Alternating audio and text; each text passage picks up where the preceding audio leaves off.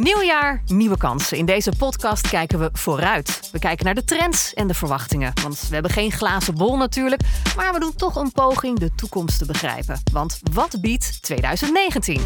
Mijn naam is Hannelore Zwitserloot en in deze Fintalk podcast blikken we vooruit. En dat doe ik samen met mijn gast Ralf Wessels. Ralf, welkom. Hoi. Je bent de hoofdbeleggingsstrategie bij ABN AMRO. We zijn de afgelopen jaren uit de crisis omhoog gekrabbeld. Op zich goed nieuws, maar blijft het nou de goede kant op gaan? Nou, de vooruitzichten worden wat minder positief. Oh jee, oh jee. Daar gaan we het zo uitgebreid over hebben. Ik wil beginnen met een paar dilemma's. Allereerst, risico nemen of liever op safe spelen? Ik ben eh, wat meer van het risico nemen. Half uur praten met de Warren Buffett of een maand met je gezin op reis door Azië? Nou, die is makkelijk. Dat is Warren Buffett. Echt? Ja, Nu kan het nog. Allebei kan. Of nou, het reizen kan ook. Maar Warren Buffett, dat is een unieke mogelijkheid. Ja, ja, ja. En tot slot, je houdt van muziekfestivals, heb ik me laten vertellen. Awakenings of Lowlands? Ja, ik eh, ga dan voor Awakenings. Ik ben een techno-liefhebber. Oh, echt? Ja. Wauw. Eh, risico nemen, zei je net. Eh, ja, dat klinkt toch niet al te verstandig. Risico's? Nou, dat ligt er maar aan hoe je het doet. Eh, mensen denken als je dat meteen zegt dat je dan extreme risico's neemt. Maar als je praat vanuit een beleggingsoptiek en je kijkt naar de verschillende beleggingscategorieën, dus obligaties, eh, vastgoed of aandelen, dan ben ik wel echt een aandelenbelegger. Eh, en dat is binnen het, beleggingsuniversum het meest risicovol. Maar het is niet zo dat ik met enorme opties bezig ben. Nee, oké, dat niet. 2019, hè, als belegger moet je inspelen op verandering. Wat zijn nou volgens jou de belangrijkste veranderingen die eraan zitten te komen? Nou, hoe we vooral eigenlijk insteken, is dat wij verwachten dat eh, ja, het economische plaatje begint te veranderen. En om daarop in te spelen, zullen we ook de portefeuille wat meer gaan eh, veranderen. En waar we eigenlijk de afgelopen tijd eh, ja, niet hele grote wijzigingen hebben gehad, of ook gewoon in het verhaal wat we vertelden en wat we verwachten van de economie en de beurs, zou het wel eens kunnen zijn dat we ja, wat meer gaan draaien dit jaar. En ja, daarmee speel je dus in op veranderingen die we dan economisch later gaan zien. Nou ging het heel goed hè, met eh, eh, de aandelenmarkten de laatste tijd. Na de crisis is de boel weer als een raket omhoog geschoten, gelukkig. Gaat het nou weer in elkaar storten? Nou, in elkaar storten is altijd wat overdreven. Eh, het enige nadeel is altijd dat dalingen gaan harder eh, dan stijgingen. Ja, ze hakken erin hè. Die zakken er af en toe eh, in. Maar dat hoort ook gewoon eh, bij beleggen. En om maar heel simpel te zeggen, de goede jaren die gebruik je om vet op de botten te creëren. Dat als er af en toe eens een keer een slecht jaar tussen zit, eh, ja, dat uiteindelijk per saldo een gewoon een goed rendement wordt gehaald. En eh, dat een beter rendement is dan altijd maar op de spaarrekening laten staan. Ja. Ehm, is dit nou het moment om eh, uit aandelen te stappen na die stijging van de afgelopen periode of niet? Nou, helemaal eh, uit de markt stappen is nooit helemaal verstandig. Maar wij zijn wel iets voorzichtiger geworden over aandelen. Eh, daar zitten we nu ne- neutraal op, eh zo gezegd. En dat heeft ermee te maken omdat we eigenlijk ja, in de fase van de economie zitten dat de groei aan het afnemen is. Zowel economisch, maar ook voor bedrijfswinsten. Ja, maar wat moeten we dan? Eh, ja, nou dat is het, je blijft gespreid belegd, dus je zit nog steeds in aandelen, alleen iets minder. Eh, en we hebben natuurlijk ook nog gewoon eh, obligaties, je hebt grondstoffen in de portefeuille, je, je hebt vastgoed. En je, je hebt natuurlijk ook altijd nog een beetje gewoon liquidi- liquiditeiten. Ja, en, en dat sparen, dat wordt dus ook weer belangrijker, denk jij? Nou, Ik kan het bijna niet geloven hoor, want volgens mij pak ik nu 0,25% op een spaarrekening. Ja, maar dan, dan gaan we eigenlijk naar zeg maar, de, de basis van eh, beleggen. Je hebt gewoon een portefeuille die uit meerdere categorieën is eh, opgebouwd. En dat zijn degenen die ik net noem. En daar zit, eh, daar, daar zit zeg maar liquiditeit ook bij. Want af en toe wil je iets kopen of verkopen. Daarvoor heb je liquiditeit nodig. Maar eigenlijk als je kijkt naar onze laatste stap die we hebben gedaan. Toen waren we nog positief over aandelen. Dat hebben we teruggebracht naar neutraal. Maar eigenlijk dat hebben we niet hergeïnvesteerd in iets anders. Dat hebben we even gewoon eh, in kas eh, aan de kant gezet. Ja, ja. want je moet wel wat achter de hand hebben Ja. natuurlijk. Nou spraken wij eh, elkaar een tijd geleden ook. Toen was jij bepaald niet positief over de bitcoin. Dat was toen nog sky high. Daarna is de boel inderdaad in elkaar gekelderd. Eh, je had gelijk. Ja, nou, dankjewel. Ik zal mezelf niet te veel op de borst slaan. Eh, ja, als we kijken naar eh, Bitcoin, is die wel heel hard naar beneden eh, gekomen. Maar de ontwikkeling van cryptocurrencies en ook bijvoorbeeld blockchain gaat wel gewoon door. En komt eigenlijk misschien nou in een rustiger vaarwater. En, en is het nog wel zeker iets om in de gaten te houden. Maar je sprak over hypes. Ja, zijn er andere hypes? Ja, als we kijken ik kijk dan puur beleggingstechnisch en niet zozeer naar nieuwe technologische ontwikkelingen die net in een, in een beginstadium zitten. Uh, we zien dat de, de groei van de wereldeconomie wat aan het afnemen is. Uh, en als je kijkt naar de, de centrale bankpresident van de Fed, uh, Powell, die is ook heel erg beducht voor het creëren van nieuwe bubbels, zeebellen.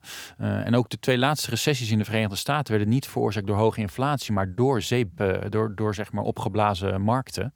en als je nu kijkt met die groei die wat minder begint te worden. We hebben een enorme hoge schuldenlast. Uh, en die schuldenlast is hoger uh, dan uh, voor de financiële crisis.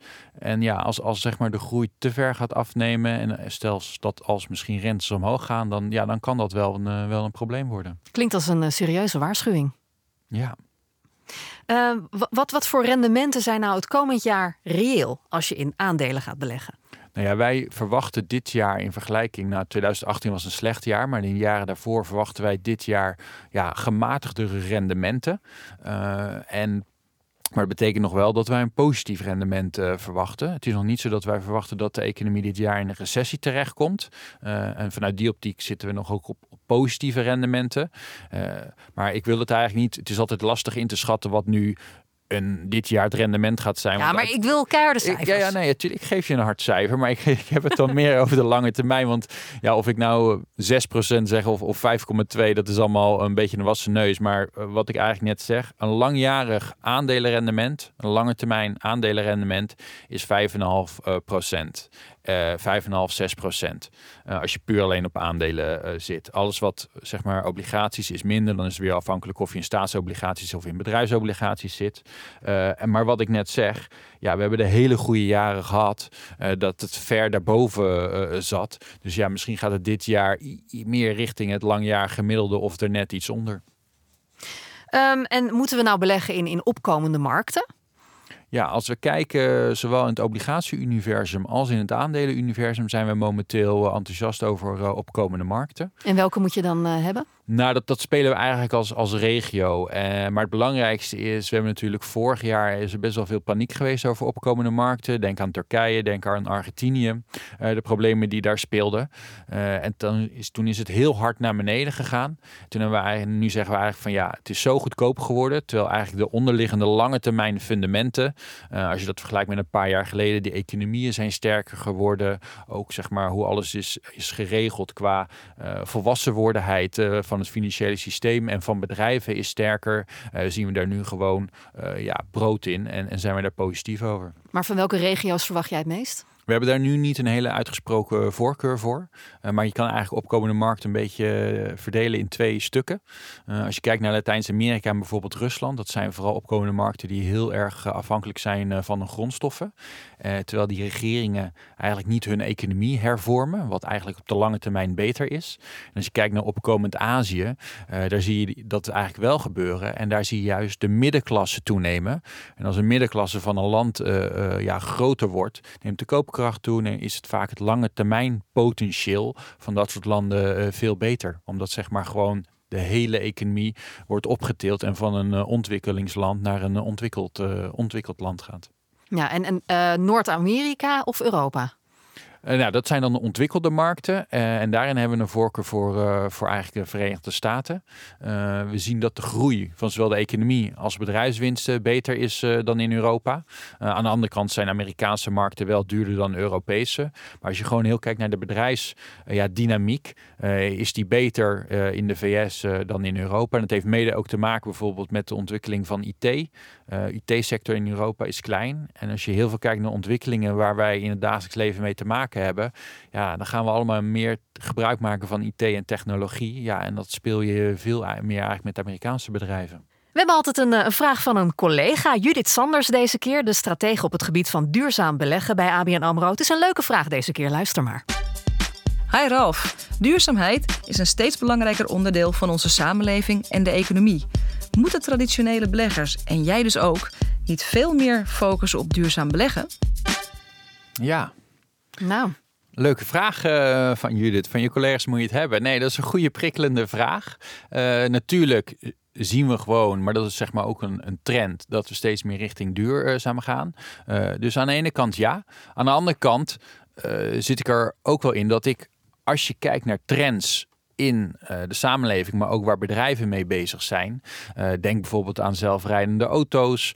Uh, denk aan het feit dat we met artificial intelligence ook als het gaat om de verzorging staat die we hebben, of zeg maar in, in, in de gezondheidswetenschappen, zie je daar vooruitgang worden geboekt. Uh, en denk ik ook dat die verduurzaamheid, denk aan een circulaire economie, dat we steeds meer gaan uh, uh, dingen hergebruiken. En artificial intelligence is eigenlijk vooral dat we dingen veel efficiënter kunnen doen. Is dat denk ik ook wel een trend die voor een heel groot deel ook in de traditionele economie eigenlijk gedwongen wordt dat bedrijven die kant op moeten gaan.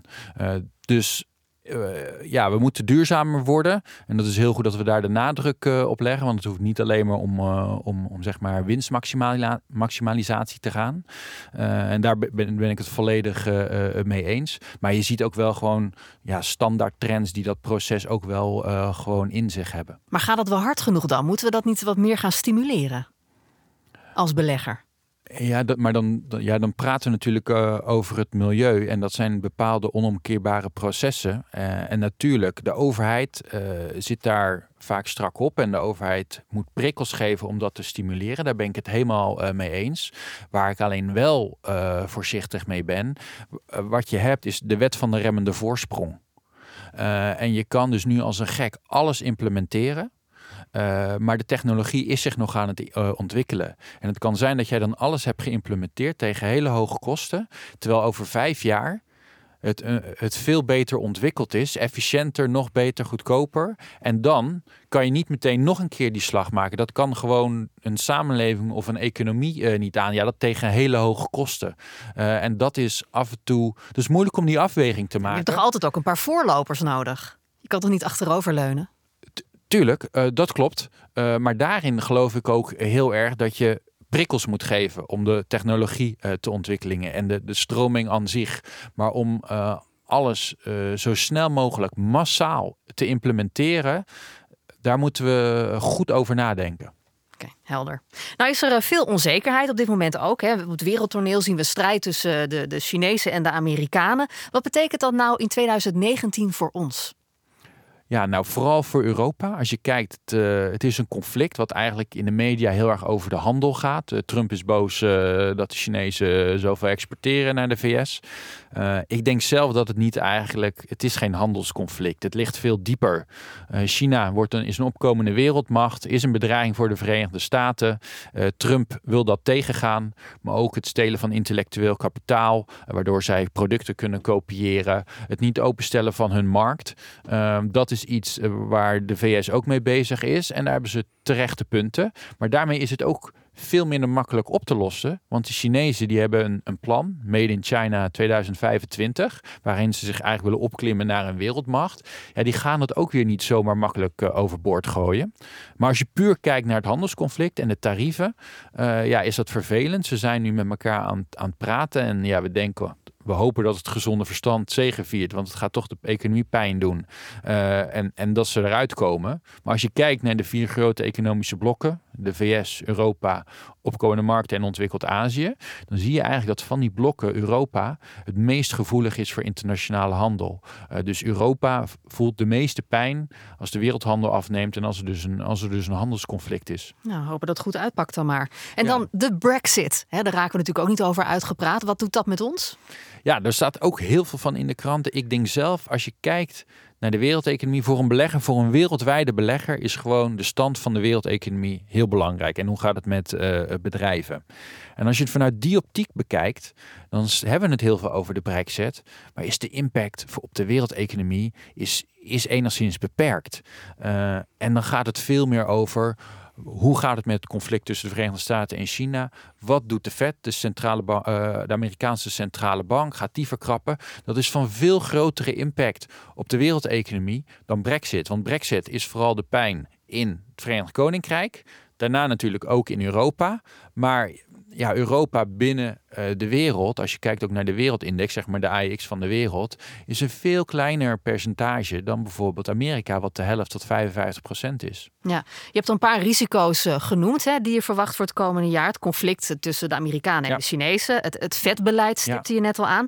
Wat zie jij nog meer als risico? Nou ja, het, we zien dat de, de groei van de wereldeconomie wat aan het afnemen is. We verwachten geen recessie, maar dat zou eventueel, als dat zich versnelt, die, eh, die vertraging, goede vertraging, dat zou een risico zijn. Uh, en daarmee gepaard natuurlijk uh, de ontwikkeling van bedrijfswinsten.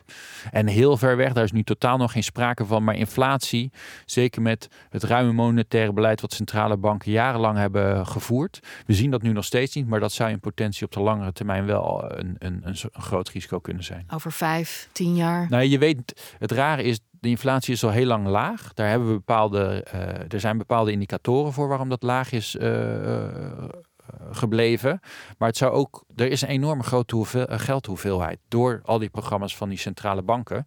En inflatie wordt bepaald door de hoeveelheid geld en de omloopsnelheid daarvan.